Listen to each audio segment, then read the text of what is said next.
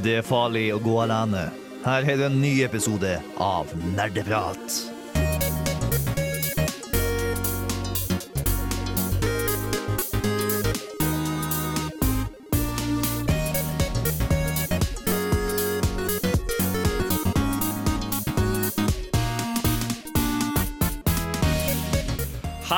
Velkommen tilbake til en ny episode med Nerdprat! Yes!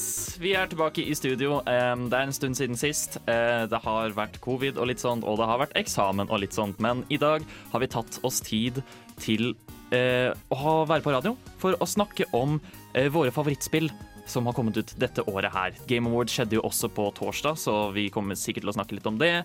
Og så er det jo alltids andre ting, sikkert. Eh, Jeg er Håkon, jeg er programleder, og med meg i studio i dag så har vi Anna? Og Bård? Bård. Det er bare oss eh, her i dag. Men det er mer enn nok. Vi Ja, det det. utfyller eh, så mye med å bare være oss selv.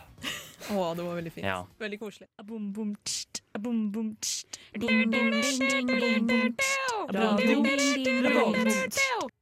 Da var vi tilbake. Um, vi skal høre hva vi har gjort siden sist. Og jeg tenker vi kan snakke med Anna først. Ja, Kan gjerne prate med meg Ja. eh, siden sist. Det har jo vært ganske lenge siden sist vi spilte inn her.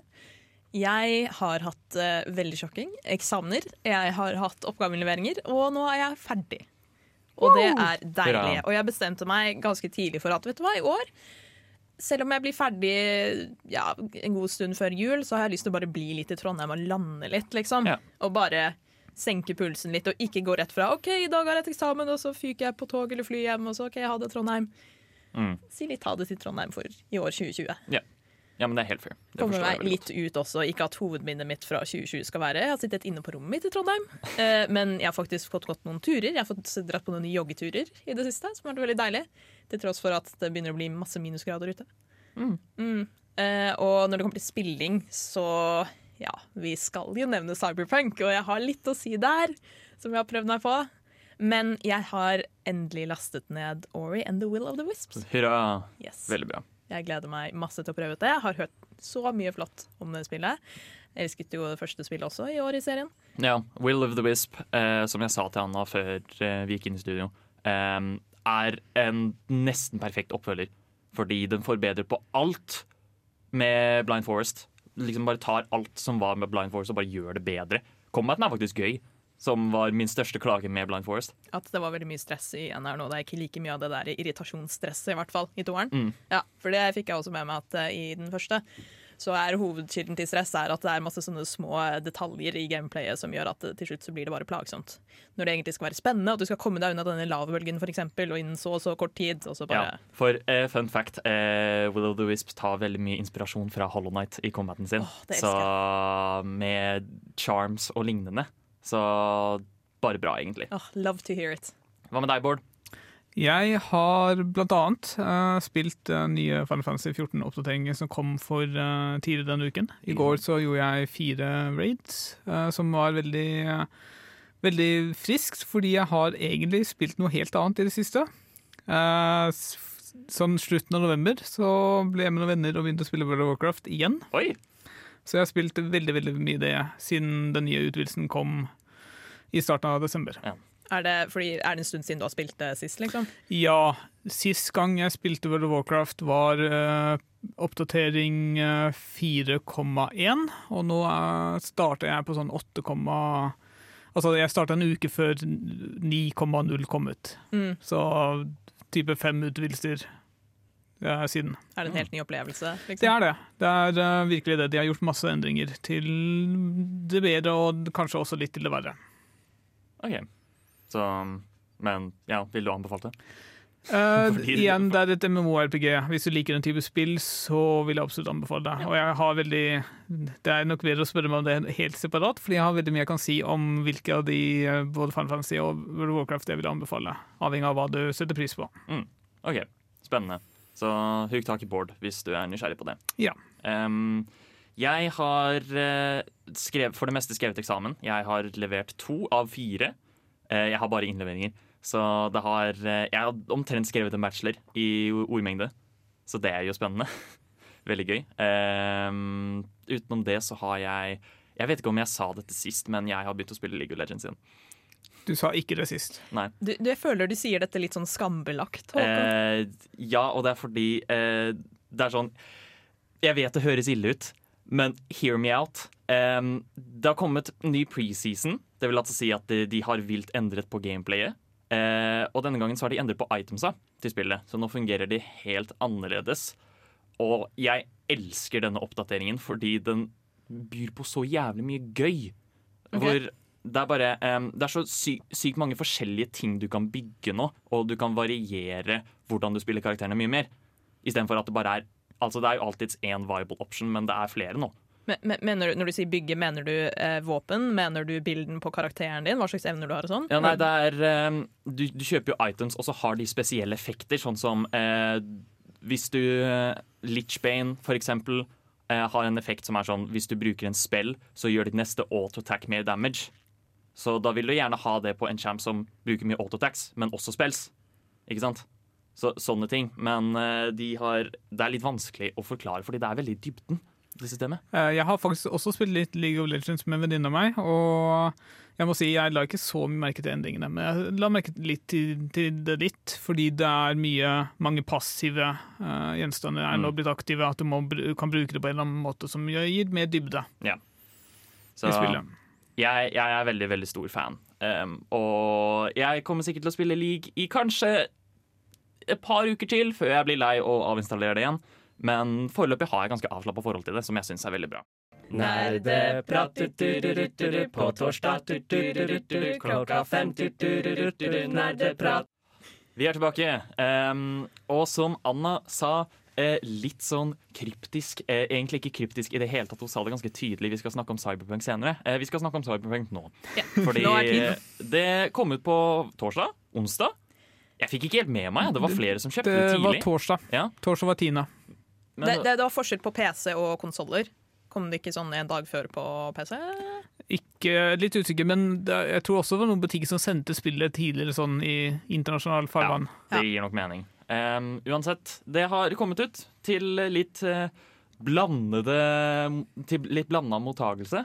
Ja, altså Først og fremst, da, for de som har levd i en boks og ikke har fått med seg hva Cyberpunk 2077 er, så har det vært et spill som har blitt hypa fram siden sånn 2012-13 av CD Project Red, de samme som lagde Witcher 3. Og det er et spill som er basert på et kort, eh, ikke kortspill, men brettspill, som heter Cyberpunk. Og som har en egen law og greier, som de nå har gjort til et eh, fullverdig Triple A-spill, satt i en by som heter Night City, hvor du spiller en karakter som heter Vi, og så skjer det ting satt i framtiden, og alt er kult og stilig, og det er masse neonlys. Eh, og eh, det kan virke som at i hvert fall for de stakkarene som eksempel meg, som fortsatt har en PS4 eller en av de gamle konsollene, og gledet seg veldig til dette spillet, som det var meningen fra starten av kunne funke på disse gamle konsollene. Eh, altså, vi har blitt skuffa. Det er ikke noen annen måte å si det på. Eh, En kjapp oppdatering. Jeg søkte litt på internett nå, og visstnok så starta de utviklingen etter eh, Witcher 3 var ferdig, altså i 2016. Så det er ikke så lenge. Mm, men den Men- men første de teaser-traileren kom Ja. før det. Ja. De annonserte det for åtte år siden, eller hva det var. Ja. Ja. Så, men ja, det har jo kommet ut, og det viser seg at selv etter så mange utsettelser, så er spillet buggy som faen. Ja, men uh, det, er, det er flere sider ved saken. For det, det gir mening at spillet som er så stort og komplisert og har så mange karakterer som går rundt i byen, og den er så sammensatt og kompleks, det gir meningen at det funker best på det ypperste av det ypperste på PC og på de nye konsollene. PS5 og Xbox Series X og sånn. Men, Men, ja. det var jo ikke meningen. Det var jo også meningen at det kunne fungere på PS4 og Xbox One og sånn. Men hvis du har som meg, da. Altså, jeg forhåndsbestilte det fordi jeg tok meg selv i OK, jeg går tilbake på det med forhåndsbestillinga, at jeg vanligvis er imot det. Nå skal jeg forhåndsbestille, for jeg blir så sykt hypa. Til og med jeg er på den, der, den introduksjonssekvensen, den cinematiske, der var det lag. Og da var jeg sånn å nei, når jeg endelig hadde lastet det ned og skulle begynne å spille. Og så hørte jeg masse reviews. Eh, jeg så folk på Twitter og Reddit og sånn skrive om at det, det funker ikke. På, på, på PS4 så er det som et sånn gammelt PS2-spill. Sånn, det tar kanskje 30 sekunder før alt av objekter og sånt har lasta inn når du kjører rundt, og alt av ja, combat og sånn er laggy, og du er nede i framerate på sånn 20 kanskje, på det verste. Og det gir en dårlig opplevelse. Det er, veldig, det er faktisk veldig kjipt å høre. Eh, om det er noe trøst, så er det jo veldig buggy på PC også. Så. Og om det er noe litt mer trøst, så de anmeldelsene jeg har sett, eh, de som gir det en negativ eh, score, eh, gjør det pga. feilene med spillet, og ikke mange av dem. Eller noen få sier at de er ikke interessert i spillet overhodet, men de fleste sier at det her er en fantastisk spillopplevelse, Ja. men det har masse feil akkurat nå. Ja. Ja. jeg ville anbefale for de som har lyst til å få et ordentlig godt review av tilstanden i spillet som det er nå, å se på en som heter SkillUp på YouTube sitt review, for han lagde en timeslang video hvor han spilte på PC, da, ypperst av det ypperste man kan få omtrent.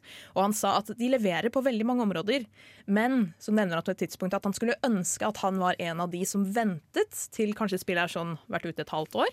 Så han vet at alle de feilene som folk rapporterer om nå, med folk som T-poster hvor som helst, og NPC-er som ikke dukker opp der de egentlig skal gi deg et oppdrag, og masse sånne ting. Når alle de patchene har blitt oppdatert Han skulle ønske han var en av de som venta til det hadde skjedd, fordi han følte at da ville han fått en mye bedre førsteopplevelse av spillet, som har veldig mye bra å levere, men som det blir et skår i grenen av at det er så mange glitcher, og at det egentlig burde vært utsatt langt lenger enn det det endte opp med å bli. da. Mm. Det er ehm, Jeg, jeg, jeg syns egentlig hele situasjonen er komisk med tanke på hvor mange ganger det ble utsatt. Ja. Så følte jeg at det nesten var liksom eh, jeg, jeg har ikke hørt om et spill som har blitt utsatt sånn 18 ganger og endt opp feilfri. Nei. Så, um, men eh, det, det er jo fortsatt veldig trist med tanke på hvor uh, kult det spillet var, og hvor godt utgangspunkt det har. Uh, vi får håpe de fikser det. Ja, De, det de kommer nok. til å gjøre det. Ja. yeah! kun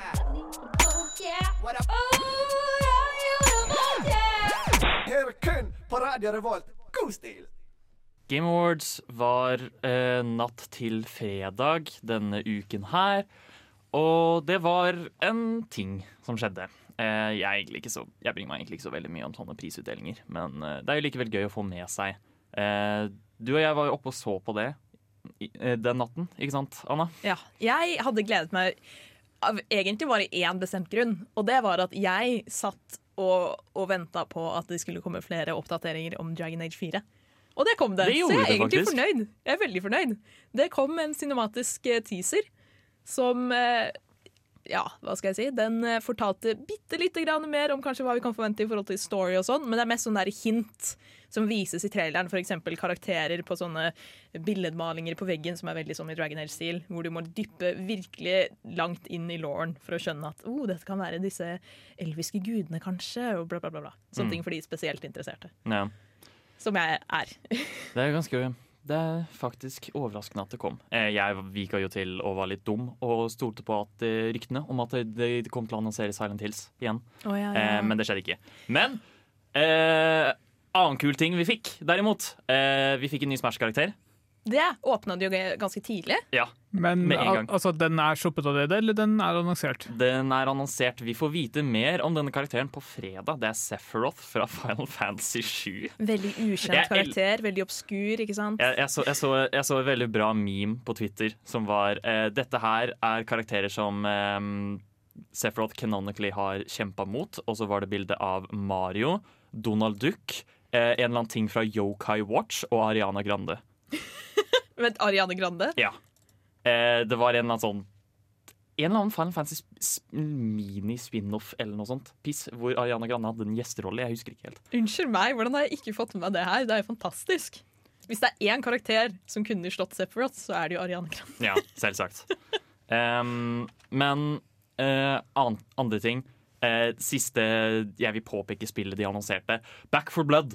Så Ja! så jævlig kult ut! Å ja, fordi eh, mange der ute kjenner til Left 4 Dead. Fantastisk gammel uh, four-player Nei, eller hvor, hvor, måtte man alltid være four-player, eller hvordan var det igjen? Du må ikke alltid være fire mode, spillere. fall. Det er, fire, flere det er fire karakterer, Det er fire men karakterer, ja. du kan være én til fire, liksom, som bare fylles de Ja. resterende ut med AIs. I hvert fall veldig ikonisk spill som ble laget mens zombiespill fortsatt var sånn ganske nytt og eh, på høyden kanskje da av sin popularitet. Mm. Eh, det har dabbet litt av nå, kanskje, men nå er de tilbake med en, en slags oppfølger. Spirituell oppfølger.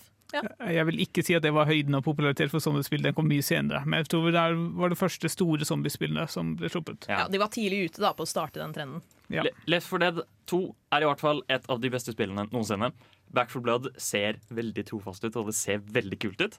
Og jeg har allerede meldt meg på til Open Alpha som kommer ut neste uke. Å, så, Så gøy! jeg gleder meg masse. Jeg håper jeg får tilgang. Ja, for det de gjorde bra òg, var å faktisk vise gameplay. Ja. Fordi det er jo som kjent at mange av trailerne både på Eter og Game Awards er sånn Her har dere noen cinematiske trailere! Eh, og så er det som om de annonserer en film, liksom. Det er jo Mm. ikke film, det er et spill vi vil ha. Ja. Vis gameplay, for faen. Ja. Sier jeg og var veldig hype over Dragon Age, som bare is. Men det er noe annet. Det er et unntak. Ja. Um, uh, ja, uansett. Uh, vi kan jo kanskje gå på prisene, da. Uh, verdt å nevne i hvert fall det. Um, Last of Us 2 tok alt. Ja. OK, de tok ikke alt. alt alle kategoriene som Last of Us var nominert i, vant Last of Us. Er jeg ganske sikker på. Ja, faen. OK, da, ja, okay, da, da tok de jo alt, alt Ja. de kunne ta. De vant årets spill.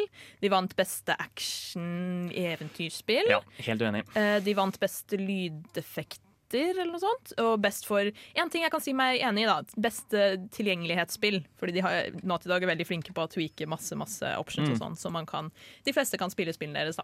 Det er eh, De eneste som The Last of Us 2 jeg mener faktisk kvalifiserte for og fortjente, var eh, skuespill, Ja. Narrativ og um, lydeffekter. Ja. Fordi selv om Doom var mye bedre der, så hadde Last of Us 2 også veldig bra lydeffekter. Ja. Laura Bailey vant for å spille Abby i Last of Us 2, og det er jeg veldig enig i. Ja. Hun var kjempeflink. Radio. Radio. Radio. Radio. Vi har kommet til prisutdelingen, og vår første kategori her på Nerdeprats eh, Game Awards er Årets tidssluk. Ja. Det skal gjøres klart at um, vi er en gjeng som kanskje går tilbake og spiller spill vi ikke har fått tid til å spille de andre åra. Så vi skal også inkludere um, spill vi bare har spilt første gang i år. Fordi vi følte det var veldig passende. Ja. Ehm, er det noen av dere som har lyst til å starte? Altså, jeg føler jo at 2020 er jo virkelig året hvor spill har fått skinne. Hvor nødvendigheten for spill virkelig har vist seg da man har sittet i karantene og lengtet etter ting å gjøre og kjedet seg og hatt behov for å connecte litt med andre selv om man ikke kan møte fysisk. Uh, og året tidssluk for meg, det endte opp med Ja, det var jo ikke et flerspillerspill, da. Uh, men jeg har klart å fortsatt leve meg veldig mye bort i Dragon Age 3-verden -hmm. og brukt mange timer på å spille gjennom ikke bare én, men flere ganger. Jeg skal ikke si hvor mange. Eh, fordi jeg har lyst til å videreføre historien fra disse og disse karakterene basert på valgene man gjør, Ja. til neste spill som jeg fortsatt er fast bestemt på skal komme. Ikke skuff meg, BioWare. Det, ja, det kommer jo nå, da. Ja. Det gjør jo det. Så det, Det er det er ikke noe å eh, tvile på. Men Dragon Age 3, altså. Ja, fordi jeg eh, har jo ikke Jeg hadde ikke så mye erfaring fra før av med å spille sånn type sånn strategi, sånn um, Hva kaller du det når du styrer ulike karakterer og har et party? Bare partyspill? Nei, ikke partyspill, men Ja, la, lagbasert spill, liksom? Eller hva mener du? Ja, eller hvor du får eh, flere companions som følger deg og sånn. Og, ja, så det er vel bare en ulike- RPG? Ja, det er bare en RPG. Ja. Man kaller det ikke noe mer. Det er, er, er det turbasert? Nei, det er egentlig ikke det. RPG, da. En RPG i hvert fall, som jeg koser meg veldig mye med. Og jeg føler at eh, RPG for meg er et veldig flott tidsfordriv. Spesielt hvis de har en veldig interessant og rik verden. Som jeg syns BioWare virkelig klarer å lage. Hvis de bidrar til branching paths også, så gir jo det veldig mye eh, replay value. Ja. Jeg syns det er veldig spennende, i hvert fall. Mm. Så for meg så tror jeg at uh, det jeg har brukt definitivt mest tid på, det blir Dragon Age 3. Em, for meg selv så jeg vil først gi en honorable mention til Monster Hunter World, som jeg fortsatt har spilt eh, veldig mye av, bare gjennom hele greia. Eh, men det som absolutt redda meg mest i karantenen, var uten tvil Animal Crossing New Ja. Horizons. Fordi det spillet, eh, inntil du på en måte er ferdig med øya di, så kan du spille det i timevis, liksom. Så jeg, jeg gikk jo flere dager hvor jeg bare ikke gjorde noe annet enn å sitte og spille Animal Crossing. Fordi jeg måtte fikse øya mi. Det måtte bli så fint som mulig. Og så var det bare så gøy å liksom dra på øyer og lete etter villagers og få til øya di, ikke sant? Jeg, jeg syns det var helt herlig. Ja, For du gjorde som de fleste andre og hiver ut de du ikke vil ha på øya di, og bare bytter dem ut med de søteste eller hyggeligste du kan finne. Ja. Um, selvsagt. Herregud. Jeg vil jo ha de kule. Selv om jeg var jo for øvrig ganske heldig med hvilke villagers jeg fikk. Uh, en av mine første var i Stitches, som er den alle elsker. en av dem som alle elsker. Hvilken er det igjen? Hvordan ser Det den er ut? en bamse som på en måte er stifta sammen. Eller liksom Eller ja, hva skal man si? Ik ja, han, Sydd han, sammen? men, han- ja, sydd sammen. Men han er veldig søt. Um, ja. Men jeg skulle bare ønske at det hadde litt mer content. Fordi nå som jeg er ferdig med øya mi, så har jeg ingenting å gjøre. Så jeg har ikke spilt det på et halvt år. Eh, Ja, jeg, ehm, jeg hadde helt glemt at Animal Crossing kom ut i år. Jeg eh, spilte det før jeg spilte det som eh, vinner min årets tidssluk, som er Fun Fancy. Så klart. Men ja, um, ja. Det kan kanskje få konkurranse nå utover året, da. Det spørs hva jeg spiller mest av Fun Fancy og World of Warcraft. Men uh, begge to har veldig, er veldig gode kandidater til det, vil jeg si. Mm. Spilte for meg. Og det hjelper jo at uh, begge spillene har veldig mye av ting du Altså mange år med innhold som du kan komme deg gjennom. Mm. Eller sånn, uh, Noen ganger må du komme deg gjennom noen ganger, andre ganger er det valgfritt. Mm. Animal Crossing var vel også nominert for årets spill i år på Game Awards. Jeg, tror det ble jeg tror det vant årets familiespill. Ja, det gjorde det. De var Ja. også nominert i årets flerspillerspill, og der uh... Ja, der vant Fall Guys. Men uh, de, også, også var de nominert til årets spill. Ja, var det. Ja, så De var inkludert i rundet av Dere vet den orkesterbiten som er i Game Awards nå, som de har før hver årets spillannonsering. De slutta liksom med en skikkelig koselig sånn medley med, med Animal Crossing. Altså, De åpna med fuckings Doom Eternal og ender med Animal Crossing. Full sirkel, akkurat som det skal være. De kom jo ut på samme dag i tillegg! De og det har jo vært dritmange memes rundt det. Ja. Så det er, jeg syns det var helt flott. Jeg elsker deg, nerdeprat, vi skal være sammen for alltid, hver torsdag på Radio Revolt. Neste kategori er årets indiespill. Denne kategorien her liker jeg veldig godt. ja, jeg også. Eh, fordi eh, indiespill er jo Man kan nesten argumentere for at de har blitt bedre enn noen gang. Eh, Mm. fordi folk er så flinke. Og det er, det er, det er mange flere. Altså, Ja. det, for, det er blitt så lett å selvpublisere ting at terskelen er lav. Altså, jeg husker så mange flere indiespill fra i år enn uh, ikke-indiespill. Ja, egentlig sjæl. Eh, så ja, nå skal vi da ta og nevne våre favoritter. Bård, vil du starte? Ja. eh, min, eh, jeg har ikke fått spilt det så veldig mye, men jeg har sett en del innhold og spilt det litt før. Uh, ab absolutt eh, Hades eh, er en god kandidat. Og så det jeg har spilt en del av selv, Undermine, likte jeg veldig godt. Og et som jeg vil si også fortjener tittelen virkelig godt, er Spelunky 2. Å ja, herregud. Det er en virkelig god oppfølger som bare finpusser det fra det forrige spillet og gjør det mye bedre. Ja, jeg spiller ikke den der eh, 2D-plattformer-helvete hvor det er dritvanskelig Ja. gameplay og er- du dør så lett. Det er ekstremt punishing, eh, og altså gjør du én liten feil, så dør du. Og Eh, masse hemmeligheter. Ja.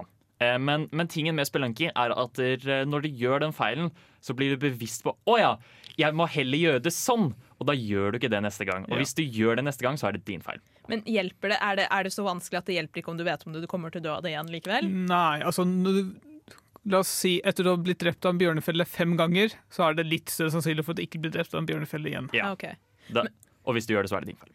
Er- men er det sånn type spill hvor det er et endgame? på en måte? Du har en endelig destinasjon du skal komme deg fram til? Både Eller er det sånn uendelig uendelig uh, du har én destinasjon, men det, det kan være at det finnes noen hemmelige destinasjoner som du kan komme til ved hjelp av litt eh, klok eh, forståelse av spillet. Mm. Ja, Så du kan runde spillet kjappere enn du tror, f.eks.?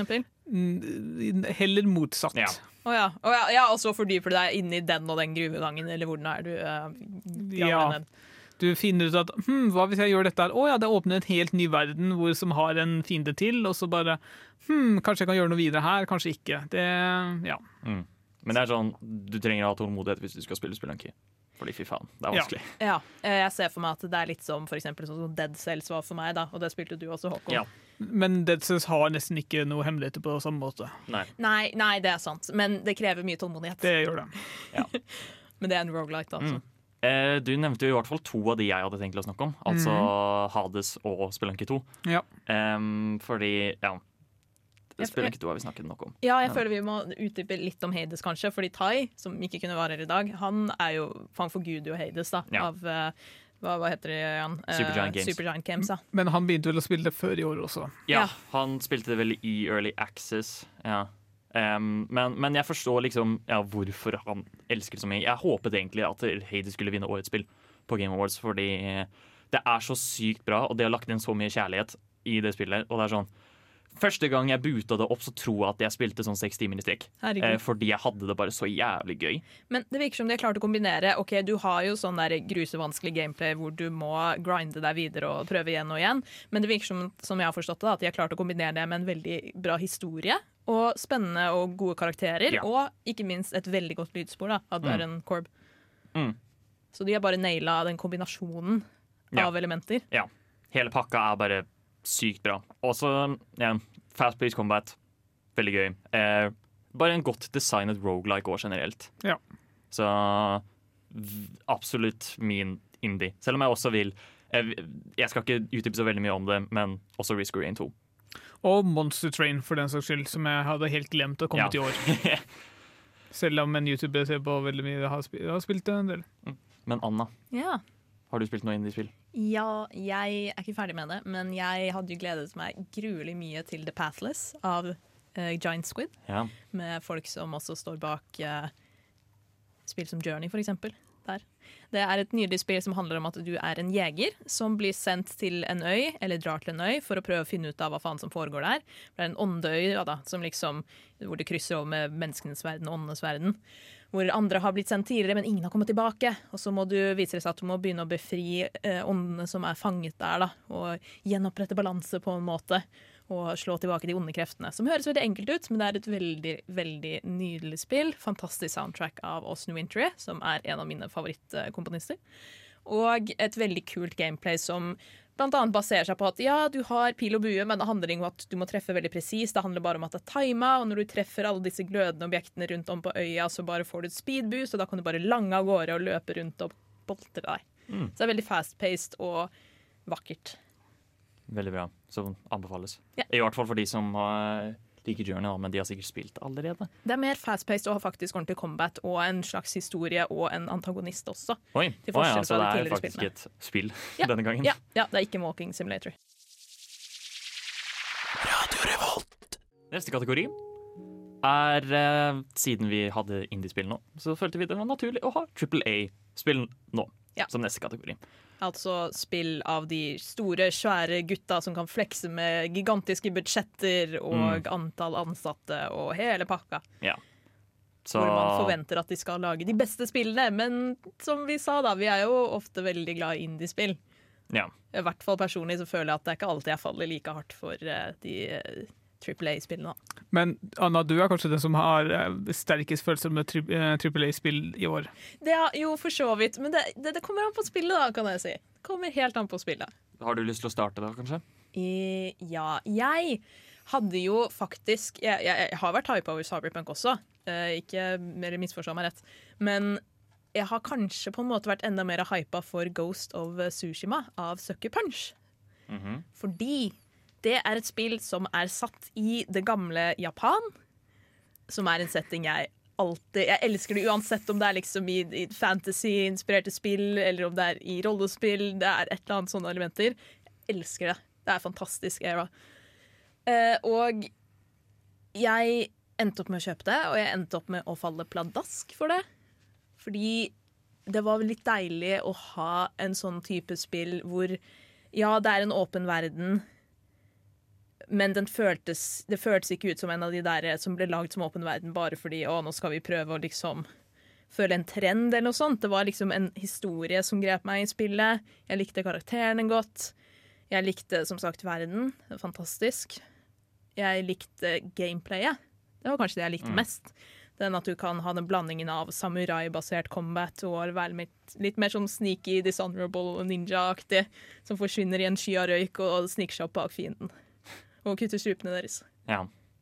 Det Ghost of Tsushima vant jo faktisk eh, ved folkestemmene. På Game Ja. Awards så vant de eh, beste spill. Ja, det jeg trodde het Players Choice, men som heter Players Voice Ja. Award. Så det som de fleste av spillerne stemte på, da, fordi i Game Awards så er det vel sånn at 90% av det som ender opp av, av vurderingene er basert på eh, en jury, og så Ja. 10% kommer fra spillerne, da. Som jeg føler burde være flippa, men det er greit. Men, eh, men der kommer også problemet inn at det sikkert ikke er alle som har spilt alle spillene. Um, Spesielt det som er eksklusivt til PlayStation. ja. Ja, for det, min, det er det jo. fordi min teori her er at der, uh, dette er folk som ikke likte The Last of Us 2, og som ikke har spilt noen av de andre spillene. Så det fikk ikke, masse ikke at Ghost of Tsushima er et dårlig spill, men det er grunnen til at jeg tror at det vant. Ja, fordi du sa jo i stad at du likte narrativet i Last of Us veldig godt. Ja. Uh, og jeg tror, jeg kan si meg enig i at det virker mer komplisert og sammensatt enn det som på mange måter er en revenge story, da. Uh, I begge spill, men litt mer komplisert i The Last of Us 2 enn i Ghost of Tsushima. Ja, fordi um, Mange ser på det som liksom en plain, simple revenge story i The Last of Us 2, men jeg er uenig, fordi det handler mye mer om liksom tilgivelse. eh, som man, men du får ikke det bildet før helt på slutten av spillet. Ja. Um, men, folk, men det spillet tok jo veldig kontroversielle valg i historien, og folk var ikke så veldig stor fan av det. Og derfor liker ikke folk The Last of Us 2. Men ville du satt The Last of Us 2 som ditt favoritt-Triple A-spill? Nei. Nei. Og det, og det er simpelt fordi Doom Eternal finnes. Ja, det, ja. Snakk om Doom, Håkon. Eh, jeg, vet, jeg vet ikke om jeg skal gjøre det, fordi det kommer sikkert opp igjen senere, så jeg kan ta det da. Vi kan heller høre fra Bård. Uh, ja, jeg har egentlig ikke spilt så veldig mange, fordi jeg har vært fordypet inn i uh, Altså, Fall Fantasy 14 er definitivt et Triple A-spill som jeg har vært fordypet i. World of Warcraft Shadowlands er det. Uh, hvis vi skal se bort fra de to, så vil det nok være kontroll. Som jeg ble mer overbevist om når jeg kom litt dypere inn i spillet enn da vi snakket om det sist. Ja, fordi okay. Sist gang så var både du og Håkon litt sånn i Ja, men det er fordi starten er ikke bra, vil jeg si. Altså Starten er for treig, starten tar for mye tid, men når du kommer videre og du kan gjøre litt valg, og du ser litt dybden på spillet mer tydelig, så blir det bedre. Tenker du på combaten nå, eller? Ja, men også bare det at du Altså, du, du, du ser liksom flere av tingene. Du ser eksempel den tre-regelen som hva jeg syntes var veldig interessant. Altså, den var ikke van, altså, Det var bare liksom et kult spinn på ting. Jeg vet ikke om du skjønner hva jeg Eh, refererer til? hva var det du sa? Den, Den, the, the, the rule of tree, som du av og til ser ved siden av en eh, sånn uh, kjetting som du tenner en lyspære med. Å ja, ja, ja, for å komme deg over til et helt annet Ja, altså når du- del. Oh, ja, den, ja. Når ja. du gjør det tre ganger, så Ja. plutselig så er du et helt annet sted. Ja, for jeg ble veldig dratt inn, i hvert fall personlig, av worldbuildingen i Kontroll. da, For jeg er Ja. veldig glad i den new weird-sjangeren hvor det er litt sånn De bryter med mange av de forventningene du har i forhold til sci-fi, for eksempel. Ja. Sånn. De har sin egen twist på det. Jeg, jeg liker det veldig godt, jeg også, men starten var bare for treig, for lite, for Ikke Altså, når du skal lage spill, la spilleren få oppleve det selv, ikke bare fortelle det via en video. Nei, det er fair. Jeg ser den. Mm. Det er um, Jeg får kanskje prøve, prøve det litt mer, da. Gi Ja, det en sjanse til, Ja. Eh, ja, vi får se. Radida til bardaga. Ja! Ra ra radida. Ja! Vil til bardaga. Nerdeprat på Radio Revolt! Ja! Ah, litt deilig musikk i ørene, og det er jo helt herlig. Fordi vår neste kategori er jo faktisk årets lydspor. Åh, Den beste kategorien. Hands down. OK, kanskje ikke, men lydspor er jo Du, du får ikke et bra spill uten et lydspor som kan matche kvaliteten. Ja, det, det, det, kan, det kan argumenteres for, men, Ja, men, uh, et, et godt lydspor gjør i hvert fall veldig mye med opplevelsen. Det er helt annerledes hvis jeg for skulle spilt Ghost of Tsushima og ikke hatt på lyd, eksempel. Og det gjelder for de fleste andre spill, føler jeg. Eh, noen spill bare spiller for å terpe og bli flinkere og sånt, og de har ikke nødvendigvis noe lydspor. Sjakk for eksempel har ikke noe lydspor. Jeg kan fortsatt like sjakk. Ja, men nå jeg har vi ikke mer sjakk, sjakk da. er et fantastisk bra spill. Jeg, jeg ser hva du mener, men ok, se for deg at du spiller om et spill for første gangen, eksempel. Og hvis du, du legger fort merke til om lydsporet føles veldig generisk eller kjedelig, eller lyddesignet også er dårlig. Men jeg vil bare poengtere at det finnes gode spill uten gode lydspor også. Ja. Og av og til så spiller jeg spill uten om man nødvendigvis følger med på lyden, fordi kanskje har lyst til å heller høre på Spotify. Der er vi veldig forskjellige, men vi er alle forskjellige, Bård. Jeg ser hva du mener. Mine MMO-spill blir av og til spilt med annen lyd enn spillyd. Jeg mener i hvert fall at noe jeg syns var kjipt for årets Game Awards, det var at eh, de hadde ikke hoveddelen av awardshowet engang. Det var i pre-showet. Så nevnte fort sånn derre Ja, eh, beste lydspor går til Final Fantasy 7 var det som fikk det. Ja, Eh, Final Fantasy. Men de, de, det ble liksom i den samme typen av de kategoriene som bare blir kjapt gått gjennom, og så er man ferdig med de. Og jeg syns de fortjener litt mer plass. Det, ja, for det virker jo ikke som at folk er enige. Ja, OK, kanskje jeg Um, alene om det. men, men det er fordi eh, det er jo prisutdeling. Ganske stor. Eh, og de hadde ekstremt mange priser å gi ut. Og da er det jo Jeg husker jo så vidt hva prisene var på hovedshowet, men Men Anna, kan ikke du gi det litt mer tid nå, da? Ja, fordi jeg sa jo at mitt favoritt-indiespill fra i år var The Pathless.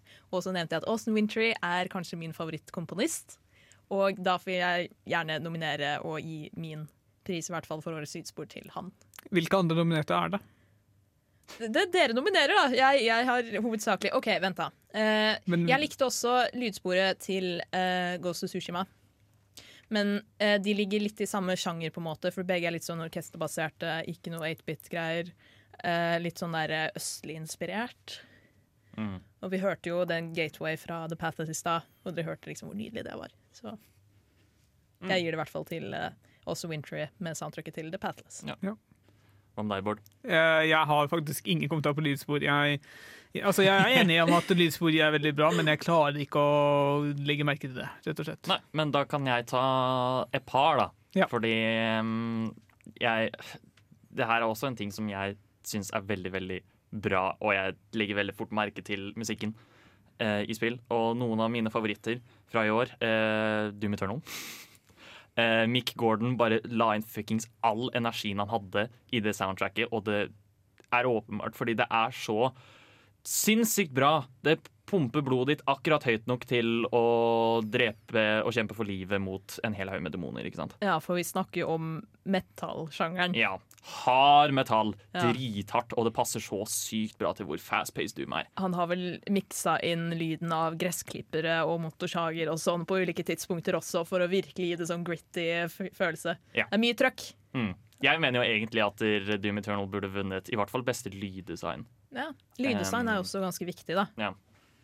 Men uh, andre jeg kan påpeke her uh, Først uh, Ori and the Will of the Wisps. Helt nydelig, vakkert soundtrack. Eh, hele spillet er jo utrolig vakkert. Så um, anbefales den òg. Og så hadde jeg en til, men det glemte jeg helt ærlig. Eh, Var det Hades? He det var ikke Hades, men uh... Jeg vil bare si at Darren Korb, som lagde lydsporet der også, han er jo også kjempetalentfull. Ja. Så det burde jo også være på nominasjonslista mi. Jeg kan legge det til i etterkant. Mm. Men du hadde noe annet, Håkon? eh, Ja, men jeg Fun Fantasy 7? Uh, Mens uh, Håkon tenker, Anna, kommer du til å publisere din nominasjonsliste i etterkant? Eh, Kanskje. Kanskje jeg kan summe meg sammen og få lagd en eh, liten oversikt. Fordi det er mye bra som fortjener å bli nevnt, selv Ja. om det ikke vant. Kommer du til å gjøre det fra, for alle kategorier, eller kun lydspor? Kanskje det, Vi får se hvor mye jeg orker. Ja. Hjernen min har skrudd seg av nå som jeg er ferdig med eksamener og. Ja. Um, jeg har helt glemt det, så jeg tenker at vi kan bare eh, drite i det. Så kan jeg eventuelt ta det hvis jeg kommer på det igjen. Ja. Vi skal nå høre fra en mann som er veldig langt unna hva han syns om programmet Nerdeprat på Radio Revolt. Nerdeprat er veldig gøy! Vi snakker om nerdeting og dataspill! Sånt liker jeg! Veldig bra låt. Eh, fan, altså Jeg er ikke så veldig stor fan av det originale Final Fantasy 7, eh, fordi jeg syns det er dritkjedelig og langsomt. Eh, storyen er bra, og musikken er dritbra. Helt sykt bra. Og de har virkelig fått laget en god eh, remastered score her. Så det skal den ha. Nå skal vi til neste pris. Eh, vi skal ha årets utvikler. Altså de som har Utvikler? Sorry, Håkon. Ja, ja Håkon, la oss fortsette. De som har laget spillene. Ja. De sk- ja. Er det noen som har lyst til å starte? Eh, altså, det spørs jo litt hva man legger i årets utvikler. da Om det er de som har vært best på sånn eh, kommunikasjon med fans, f.eks. Det kan jo telle veldig hardt for mange. Om det er de som bare har levert de beste spillene. Jeg har i hvert fall lyst til å si en som ikke fortjener noe, det er Nintendo. Ja. Um, og det er fordi Nintendo har vært ekstremt kjipe i det siste. Med å bare være sånn eh, Nei, vi skal bare kansellere alle disse turneringene som folk bryr seg veldig mye om. Og så forresten så får dere ikke lov til å Har dere ikke tatt ned dritmange videoer av meg? Det kan hende. Jo, de har vært veldig strenge med å kutte hvis folk for eksempel spiller gjennom spillene deres Mm. eller lager noen reviews, eller noe sånt, så er de bare sånn Hei, du får en advarsel, og du får en advarsel og fjerna video. Og uh, de er veldig overbeskyttende mot materialet sitt, til den grad at det begynner å skrante på tålmodigheten Mm. til fans og sånn. Jeg, jeg så en YouTube-video som het eh, 'Nintendo har sakte, men sikkert på en måte drept Smash-communityen'. Eh, ja. Eh, jeg har bare Jeg har en eh, nominasjon til årets utvikler, som er Vube Stu Software, tror jeg. Okay. Vube. Ja. Uh, det jeg har sikkert ikke hørt om det, Fordi det hadde ikke jeg heller før jeg søkte det opp. Det er utvikleren bak Factorio. Okay. Factorio ble sluppet i versjon 1 i sommer. Etter hvert egentlig tilgjengelig i all evighet. Som er et veldig godt tegn på en utvikler som faktisk støtter spillet veldig lenge. Og som har også hatt en del, eh, har hatt en del tråder på Reddit hvor det prater om spillutvikling og sånne ting. Mm. Hvor det annet snakker om at de aldri i verden burde brukt det grafiske rammeverket de brukte, fordi det har hindret dem en del. Ja. Um. Så det kan være både store utviklere og små utviklere. Men jeg føler at det her er en pris som er litt lettere å gi til de mindre utviklerne, for da har du den der med at de liksom får en bedre kommunikasjon med fans, og de eh, blir ikke like styrt av markedstrender som er litt lenger opp i systemet, f.eks. Ja, også, også små spill er mye enklere å vedlikeholde. Altså, Mm. Indie-utviklere vedlikeholder ting og all. Det samme er også utvikleren bak eh, Stardew Valley, Concerned Ape, eh, hvis jeg, det er det jeg husker. Eh, han syns jeg også fortjener prisen, fordi han har vel dytta ut enda Jeg tror han jobber fortsatt med ny Stardew Valley-oppdatering, selv om han egentlig har sagt stopp. Å ja. Ja. Fordi han slapp ut flerspiller for ikke så altfor lenge siden, enten i fjor kanskje, sånt. og nå Mm. jobber de på en ny en. Jeg ville faktisk gi en shout-out til en ganske stor utvikler, da, som så er Sucker Punch bak hos Sushima. Fordi jeg føler de har gått litt beyond and above hva som forventes av et sånn type studio i forhold til eh, ikke bare kvaliteten på spillet de leverte, men også ting de leverte i etterkant av ikke bare mindre oppdateringer og patches og sånn, men de kommer jo ut med Ghost of Tsushima Legend, som er en gratis flerspillertilleggspakke som folk som allerede har spillet, bare kan spille når de har ikke nødvendigvis runda hovedhistorien, men begitt seg ut på, hadde gøy med, med andre spillere også.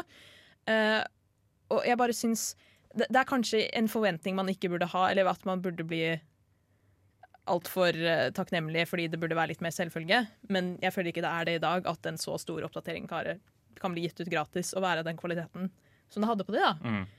For det ser ut som folk trives masse med det. Det er god kvalitet på den DLC-en. Det er gøy å ha en flerspillermodus, og det kom helt ut av det blå. Det var ikke noen som hadde forventet at man bare skulle få det i fanget, liksom. Mm. Så shout-out til Sucker Punch. Eh, jeg vet ikke om jeg har noe spes å gi på utvikler. Eh, eventuelt Capcom, da. De bare, jeg syns de bare lager dritbra spill. Ja, jeg har lyst til å bare nevne Blizzard, både fordi jeg liker dem og jeg hater dem. Uh, ja, uh, men jeg syns uh, med ti, altså det som ble gjort før Shadowlands-lanseringen, altså den patchen som ble sluppet før, hvor mye av systemet ble endret, mye av det var for det bedre, men også for det verre. De har gjort mye av historien valgfri. Du trenger ikke å komme deg hjem av 120 leveler for å faktisk eh, komme til sluttspillet. Du er nå på 50 eller 60. Og du kan bare velge hva du har lyst til å spille, som Mm. er veldig greit for forbrukeren, men går, du mister litt av historien da i spillet du spiller, Ja. som gjør det vanskelig å komme inn i. Mm. Vi burde kanskje også gi en shout-out til Supergiant Games. Ja, de, de lytter i hvert fall veldig til fansen sin. Ja. Ja. Og de er, eh, de er et så ek ekstremt takknemlig studio. Og det er, eh, jeg syns det bare er veldig fint, sånn sett. Og de har fått en veldig god suksess nå. Med, de har jo hatt mange suksesser på rad. Det er Mm. også veldig godt å se. Men spesielt med Hades, kanskje. Det blir tatt veldig varmt imot. Ja jeg vil også veldig kjapt nevne en utgiver her, eh, Devolver Digital. Ja. Eh, de har Ja. sluppet ut fuckings banger etter banger. Samtidig, de er verdens morsomste gjeng. ass. De er så sykt gøy. De hadde pre-show um, på Game Awards, og det var veldig bra, selv om det var veldig kort. Så um, det, det skal man ha. Halla, snupper! Vil du være med og høre på nerdprat, eller?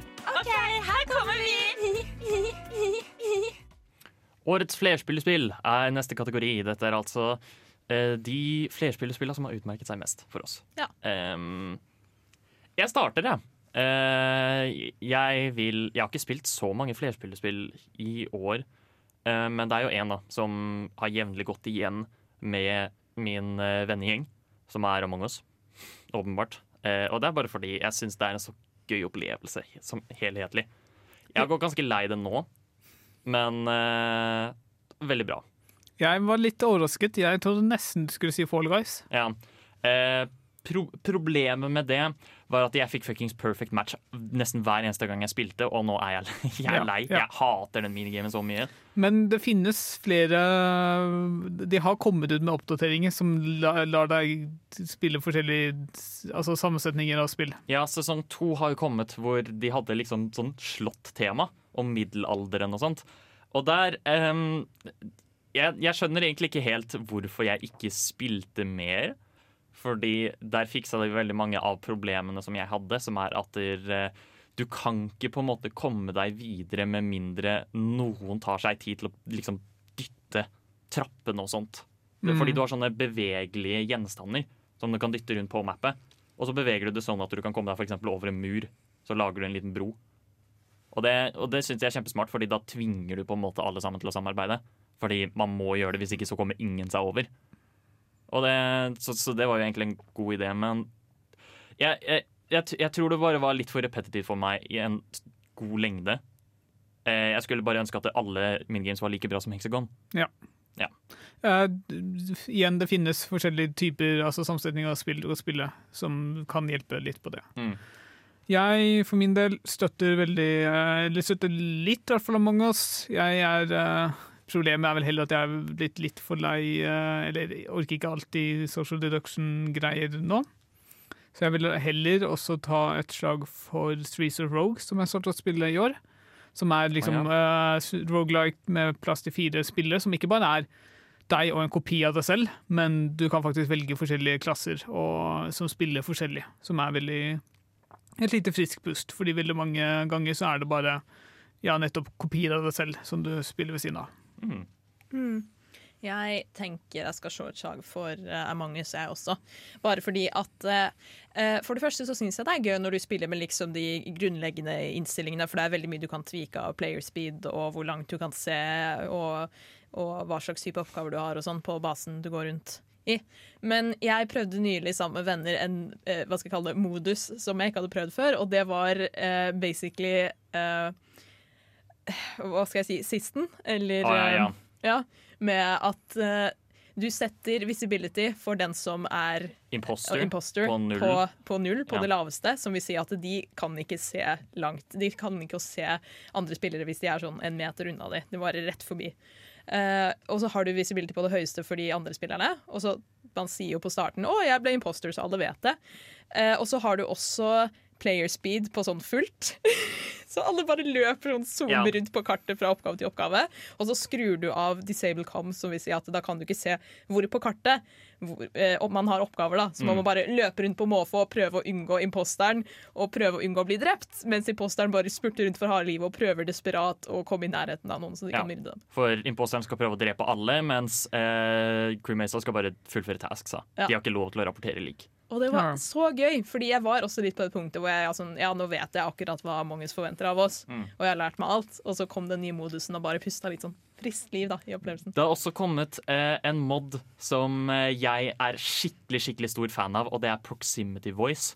Som vil si at du snakker in game, men du kan kun høre folk hvis de er i nærheten av deg. Å, det er gøy! Ja, Det er kjempegøy. Eh, og det, er, det passer helt perfekt for det spillet. Fordi det, det, det lager så mange gøye situasjoner, syns jeg. ja. Men det er jo sånn det egentlig burde være. Det er, det er jo sånn det egentlig burde være. Det er sånn også Fasmofobia har. Ja. Så det, det Jeg anbefales å prøve den, i hvert fall. Ja. Neste kategori er årets innovasjon. Er det én ting spill alltid klarer å gjøre, så er det å finne på noe helt unikt. Ikke alltid. Eller ikke alltid, da, men Nei. ofte. Ja. Eh, du du har mye muligheter med dette mediumet. mediumet. Um, så det, Og vi vil da gjerne liksom utpeke noen av de. Er det noen av dere som har lyst til å starte? Ja, jeg vil gjerne starte. Jeg nevnte det i for, forrige kategori, men jeg mener virkelig Fasmofobia burde få i hvert fall bli nevnt. Ja. Fordi de har, i tillegg til å ha igjen eh, stemmekommunikasjon basert på hvor nærme man er, men har de også klart å ha stemmegjenkjenning inn i spillet, sånn at du kan påvirke spillet ved hjelp av stemmen din, som er utrolig kult. Det fungerer veldig, veldig Det fungerer ikke alltid, men som regel fungerer det veldig, veldig bra. Men Phasmophobia det er det spillet hvor du går rundt og er sånn eh, spøkelsesjeger, basically. Ja, stemmer. Så, men hva er det du kan påvirke da med stemmen din? Eh, For eksempel, en av måtene for å oppdage spøkelser på, er ved å prøve å snakke til det, og da vil du kunne måle om det, du får en respons eller ikke. Mm. Eh, I tillegg eh, altså alt, eh, All kommunikasjon skal jo gå gjennom spillet, så hvis det er masse spøkelsesaktivitet, så kan det hende at den walkietalkien du har, som gjør det mulig for deg å snakke på lange distanser, den bare slutter å fungere. Du får du, du, altså, ingen hører deg, du hører ingen. Å, det er skummelt. Ja. Herregud. Det er veldig gøy. Veldig kult. Veldig smart, alt Ja. sammen. Ja, det var der hvis folk lagkamerater dør, så plutselig hører du dem ikke lenger. Ja, Mm. eller du, Ah. du, du kan se på en skjerm at å ja, nå er de borte, når de spørsmålstegn. Det er liksom Spørsmålstegn er tegnet på at de har forsvunnet, men du får ikke videre før du eventuelt ser på skjerm og ser at de nå er spørsmålstegn. Men kan det bety noe annet? Sånn, å ja, de er ikke døde nødvendigvis, men de er bare Nei, jeg tror ikke det. OK. Mm. Eh, har du lyst til å ta det videre? Jeg, jeg vet ikke om jeg kan kalle det eh, innovasjon, men jeg hadde lyst til å gi en shout-out til Half-Life eh, Alex av Valve. Ja. Fordi jeg følte at altså, VR-spill har jo eksistert lenge, det er ikke det. Men det er det første spillet hvor jeg har sett sånn OK, shit, nå har jeg faktisk skikkelig lyst til å skaffe meg VR-utstyr og sånn, og hoppe inn i den verden her i Half-Life. Fordi de lagde virkelig det er, det er vel Jeg vil si at det er det største og mest sammensatte VR-spillet hittil, da. Det vant vel også årets VR-spill på Game Awards. Det gjorde det. Og det, hvis de ikke hadde gjort det, da det hadde det vært noe rart. Fordi det er velfortjent. Men eh, de har virkelig pusha da, for å gjøre VR til et enda større medium, og noen må jo gå foran der. Man kan ikke bare liksom forvente at de kommer til å gjøre det større etter at de bare har de vanlige sånn VR-puslespillene eller Kontroversiell mening. Nei, ingen må gjøre det. Bruk det der det passer. Ikke lag spill som nødvendigvis er Bruk det der det passer, ja. Det Kom opp med en god spillidé, og så bruk det til VR om det fungerer bra. Og la være- hvis det ikke fungerer bra. Ja, jo, for så vidt, men du kunne jo også lagd Half-Life Alex som et ikke-VR-spill. Og det kunne fungert på samme måten, men det ville ikke gitt den samme innlevelsen som det virker som om folk har. da.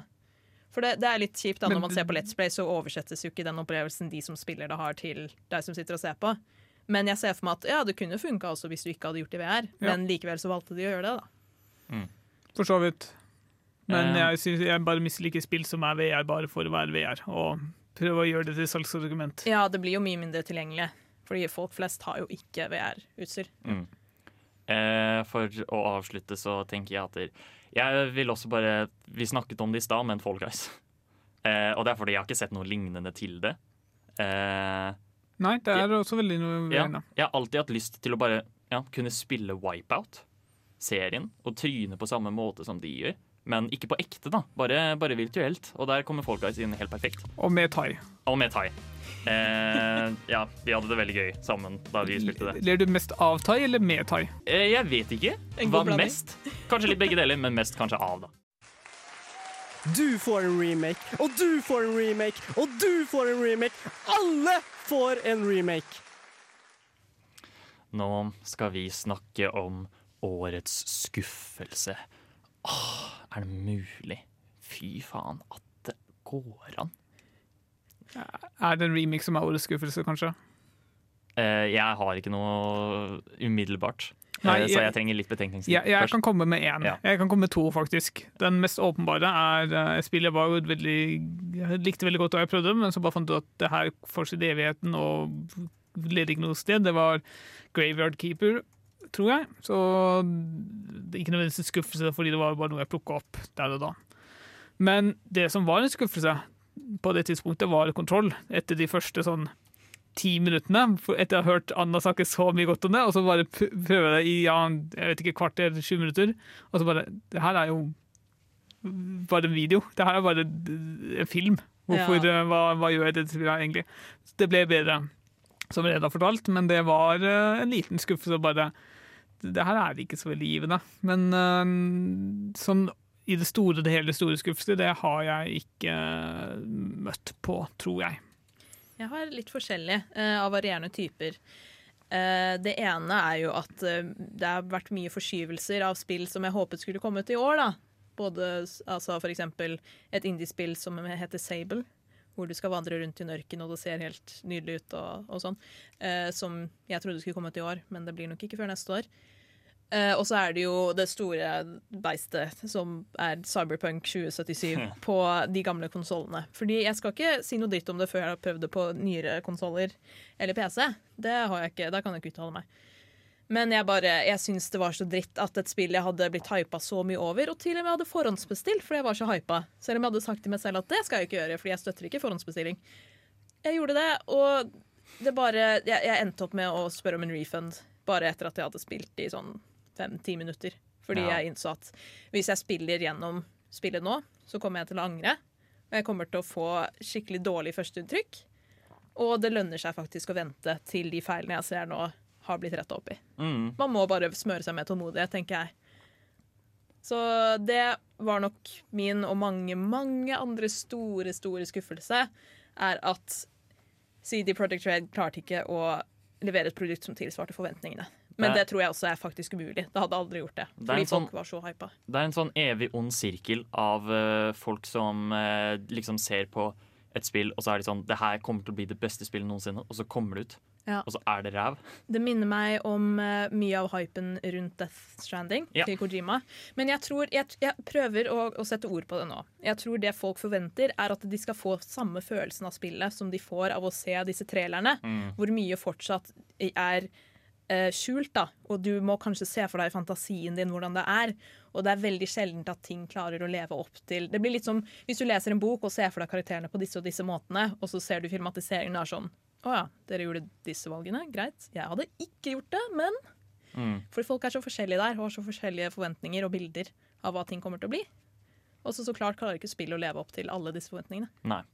Jeg ser det også er veldig mange, ja, det er veldig mange som ikke syns at Cyberpunk var innovativt nok, så Ja. vidt jeg har skjønt. Fordi det er veldig sånn Jeg, jeg hadde en kompis som sammenlignet det med Borderlands veldig mye av tida. Ikke sånn med hele den der at du bare løper rundt, eh, samler på guns og dreper folk, men combat-messig. Ja, han Skillup som jeg nevnte, han eh, som reviewer ting på YouTube. Han nevnte annet at han syntes combaten var, det var bra til å være en sånn type RPG. Han har spilt mange spill med dårligere combat, men det virka som de hadde, de hadde noen sånn shooter-looter-elementer hvor du bare liksom får masse våpen, og du må grinde det for elementer du kan bruke til å lage andre ting. Men det er ikke noe poeng, fordi innen du har nok da, så har du aldri begynt å få disse epic-våpnene fordi du har kommet høyt nok opp i level. Og ja, du har skill trees og sånn, og evnetrær, men ja, at levlinga levelinga og måten du fikk ressurser på, og måten du fikk penger på, ikke minst, var veldig ujevn da, i tempo i forhold til hvordan du Mm. spilte gjennom spillet. Ja. Så det er mye finpussing der også, ikke bare når det kommer til glitcher, men også til ok, hvordan skal dette fungere som en RPG. Mm. Um, jeg har for så vidt én, og det er faktisk en remake. Okay. Uh, Resident Evil 3. Ja. Ja. Eh, og det er bare fordi eh, jeg spilte Resident Evil 2, og jeg fuckings elsket det. Det er serr et av de beste skrekkspillene jeg har spilt noensinne. Eh, hadde det så gøy, og hadde veldig store forventninger til Resident Evil 3 når du har denne skurken Nemesis, som liksom er anerkjent for å være verdens skumleste fyr, spurter etter deg. Eh, det som gjorde Mr. X skummel, var at du kunne ikke drepe han, han bare gikk etter deg. Og så kommer Nemesis og er sånn Nei, jeg kan løpe og bruke våpen. Eh, men så kommer han bare av og til, og så er spillet fire timer langt.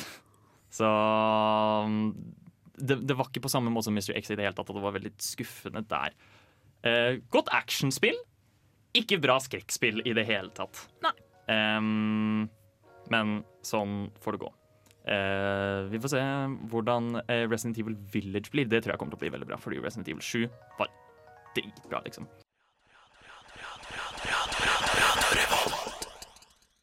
Et meme, dere. Eh, 2020 har vært et ja, hva skal jeg si gøyalt år for Eh, eh, Jeg vet ikke om det er ordet for det, For men internett-memes, Ja, ikke sant? ja, ja. Ikke for sånn generelt. Um, memes berikes jo av lidelse ellers i verden. Mm. Så og det har ikke vært mangel på gøye videospill-memes det siste året, for å si det mildt. Nei. Så har du lyst til å starte her, Bård? Jeg, ja, jeg har uh, ett veldig eh, som har vært veldig populært. Det er uh, lagringsplassen til Warzone. Før de måtte faktisk komme med en oppdatering som bare Ja, nå, nå kan du velge hvilke deler av Wars, uh, Call of Duty du har installert, sånn at det ikke er like stort lenger. For, ja, fordi den eh, var, Hvor stor var den? Jeg tror det tok Jeg tror det var på 200 pluss gigabyte Ja, i hvert fall på PC. på starten. Da, da det fuckings kom ut først, så var det sånn 200 gigabyte.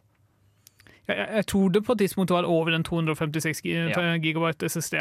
Jesus Christ. Ja. Så um, Det ble skrevet artikler om lagringsplassen til eh, Warzone, eller Call of Duty. mm.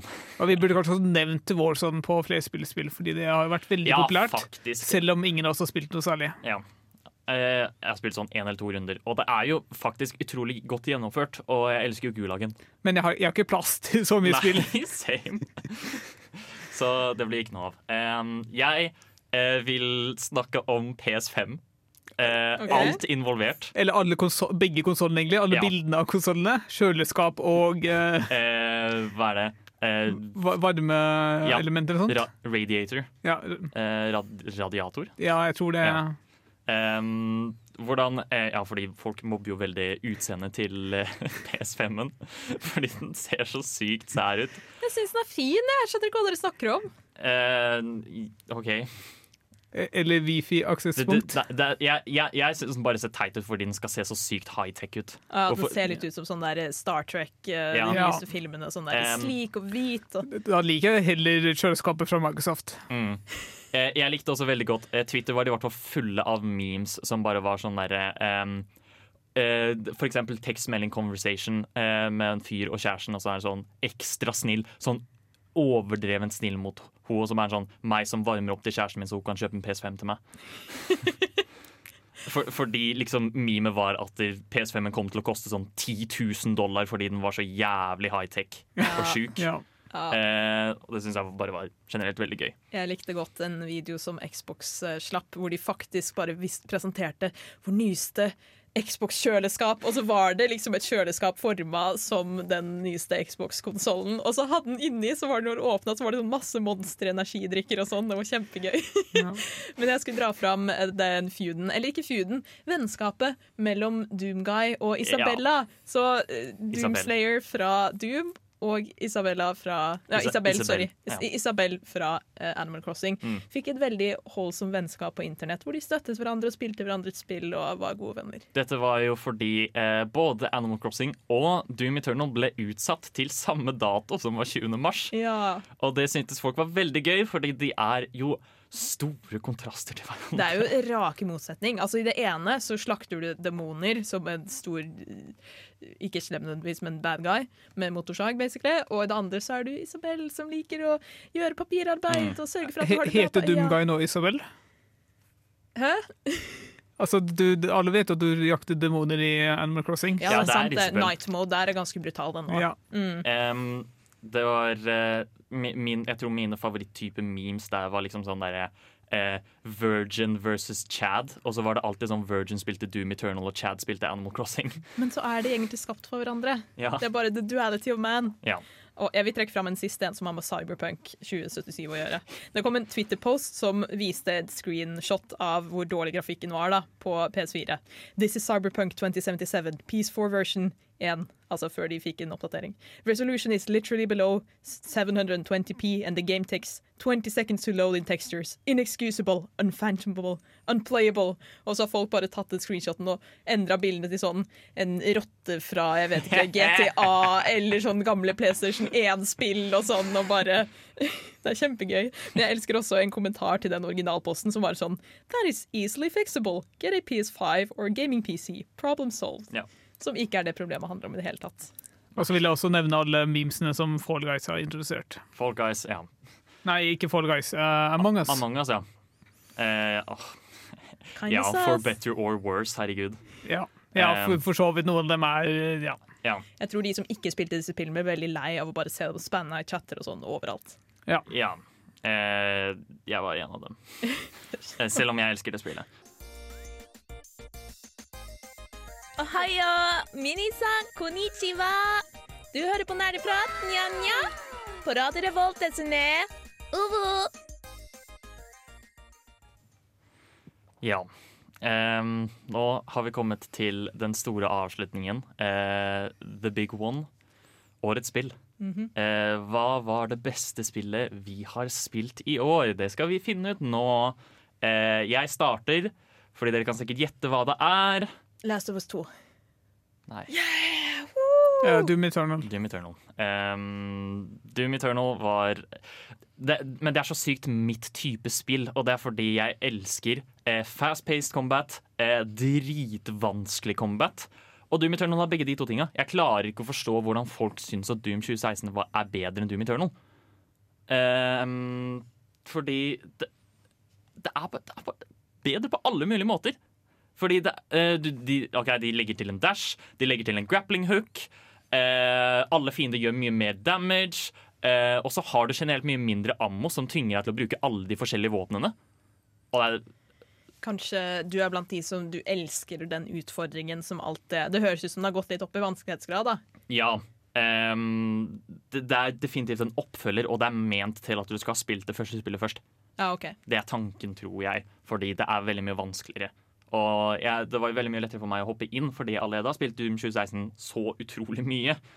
Så da visste jeg allerede hva jeg gikk til. Eh, bare at det, det var nye gameplay-elementer, og eh, de kaller det eh, Den spesielle tingen med Doom som er at de kaller det en combat puzzle. Fordi det er så sykt mange improvisasjoner du gjør hele tiden. Eh, og så er det dritmange forskjellige fiender, og så må du velge hvordan du skal gå fram. ikke sant? Fordi det er, det er som regel ikke sånn at du kan fokusere én fiende og bare liksom drepe den, og så drepe neste. Det er gjerne sånn du, du, skyter, du ødelegger våpna til den fyren med en liten drive-by, og så går du videre til noen andre, dreper noen små fiender, og så kommer du tilbake til han igjen og dreper han. Sånne ting. Så du bare hopper rundt på mappet hele tiden og tar konstante avgjørelser for eh, hvordan du skal gå fram i combat. Og det er kjempekult. Smiler veldig, Bård. Ja, fordi jeg liker hvordan du omtaler dem. eh, hender og alt mulig. Du er veldig inni uh... Det er mye gestikulering her Ja. som man ikke ser det, man Ja. bare hører på, men det er veldig gøy. Ja. Det er veldig, veldig åpenbart at du liker spillet veldig godt. Ja, Ja. kjempebra. Jeg kan, Anbefales. Jeg kan fortsette, da, hvis eh, du var ferdig med å Ja, jeg eh, har fått sagt mitt. Ja. Eh, jeg, jeg må lande på Det er flere bra opplevelser jeg har hatt i år, men jeg må lande på Ghost of Tsushima, tror Ja. jeg. Jeg er veldig enig i den Players Voice-prisen som eh, Det var mange som stemte på det uh, under Game Awards. Og jeg syns at ja, OK, Ghost of Tsushima er ikke sånn verdens mest nyskapende spill eller noe sånt. Det du får der, det har du sett før i en eller annen form. Men jeg følte at det var en veldig finpolert opplevelse, da, hvor de gjorde det de trengte å gjøre riktig. Det gjorde Sucker Punch riktig. Mm. Og det ga veldig kul spilleopplevelse. Hadde kost meg veldig mye med det. Og det er verdt årets spill for meg. Veldig bra. Jeg har har faktisk veldig lyst til å spille det. Gjør det. Uh, mitt spill, uh, eller mine spill, blir vel egentlig begge MMO-RPG-ene jeg har spilt i år. Uh, ikke nødvendigvis fordi de er så veldig bra i seg selv, men mest fordi du har mange folk å spille med. Så, og jeg, har, jeg vet at de har veldig mange problemer og veldig mange feil, og alt mulig sånt, men det å, å ha et noe Altså en slags virtuell verden som du alltid kan gå tilbake til og være der med venner, er veldig, har vært veldig morsomt dette året. Det har d- satt en liten demper på alt mulig annet som har skjedd. Det er ingen spill som er ufeilbarlige heller, liksom. Nei, men de, du tror meg, jeg kan snakke så mye om alle problemene i begge spillene. Det er, det er mye av dem. Ja, men det er ikke cyberpunk-nivåer. Nei, det er det ikke. Heldigvis ikke. Det er vel ingen spill som er uten feil, holdt jeg på å si. Nei. Men kan vi bare kjapt si det der med Var dere Ingen av oss her var kanskje enig i at The Last of Us 2 fortjente årets spill? Det fortjente På Game ikke Awards. årets spill. Det er et bra spill, og jeg syns ikke det er så dårlig som alle skal ha det til. Jeg ga det jo en veldig positiv anmeldelse i starten av semesteret. Ja, for du har anmeldt det. Ja, um, men det er fortsatt Det er langt ifra det beste spillet som har kommet ut i år. Det har vært så mye bra som har kommet ut i år, og så syns jeg det er litt trist at de velger The Last of Us 2. Ja. Ehm, men sånn får det være. Altså, det er jo sånn type shit som kritikere elsker.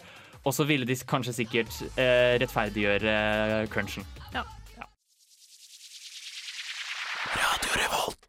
Da var vi i mål. Eh, vi har kåret eh, Vi har hatt en nerdeprat. Eh, prisutdeling her nå. Eh, ikke sånn ordentlig offisiell en, fordi vi har jo alle hatt våre egne meninger. Så Men jeg syns det har vært gøy, og det har vært fint å høre hva folk mener. Eh, mange forventet. Eh, mange som jeg så komme. Ja, Det er kanskje ikke så rart. Vi snakker jo mye om spill vi er glad i gjennom Ja, året. men det er også, fortsatt gøy å få liksom oppsummert det. ja. Da er vi egentlig ferdig for hele semesteret. Anna, dette er din siste type offisielle Eller din siste sending som fast program, eh, programmedlem Ja, i Nerdeprat. jeg vet. Jeg må si meg ferdig nå til jul, og det er veldig trist. Og jeg kommer til å savne dere, og det har vært skikkelig gøy å være med. Men eh, jeg begynner med klinikk og sånn, og har deltidsjobber, og bare ah, jeg får ikke tid i Ja. 2021.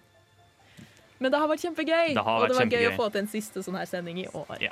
Og du er selvsagt velkommen tilbake når som helst. Du kan jo dukke opp som gjest plutselig. Ja. Eh, men det var alt vi hadde for i dag. Her får dere høre Dustbody med Better Half. Ha det bra. Ha det bra. Du har lyttet til en podkast på Radio Revolt, studentradioen i Trondheim. Sjekk ut flere programmer på radiorevolt.no.